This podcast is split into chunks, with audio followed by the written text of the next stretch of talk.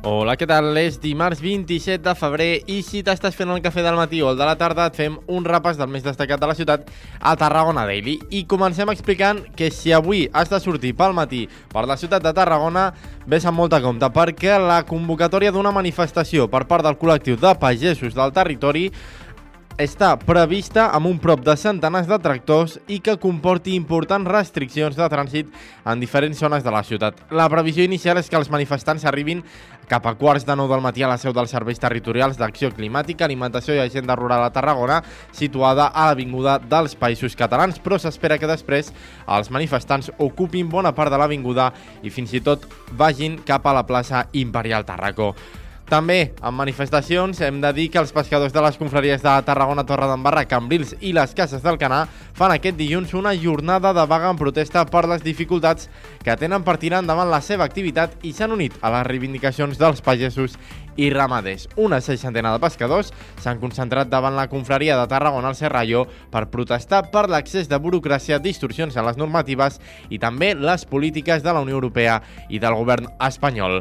I en clau política, però també econòmica, la portaveu d'Esquerra Republicana, la veient que Raquel Sanz, ha recordat als comuns que al moment del sí o no al macrocomplex ja és una pantalla passada, que el projecte ja va rebre el suport majoritari del Parlament i que fins i tot es va aprovar un pla director urbanístic. Estem parlant, és clar, del Hard Rock. En paral·lel, els comuns han insistit en la seva oposició al projecte i el portaveu de Catalunya en Comú, Joan Mena, ha avisat que arxivar per sempre el Hard Rock és la condició mínima que demanen per començar a parlar dels pressupostos d'aquest any 2024.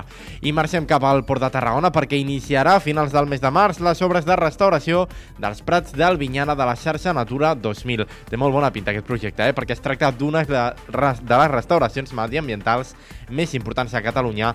De fet, Saúl Garreta, el president del Port, ha destacat que es tracta de l'actuació més important des que es va recuperar l'estany d'Ibars d'Urgell.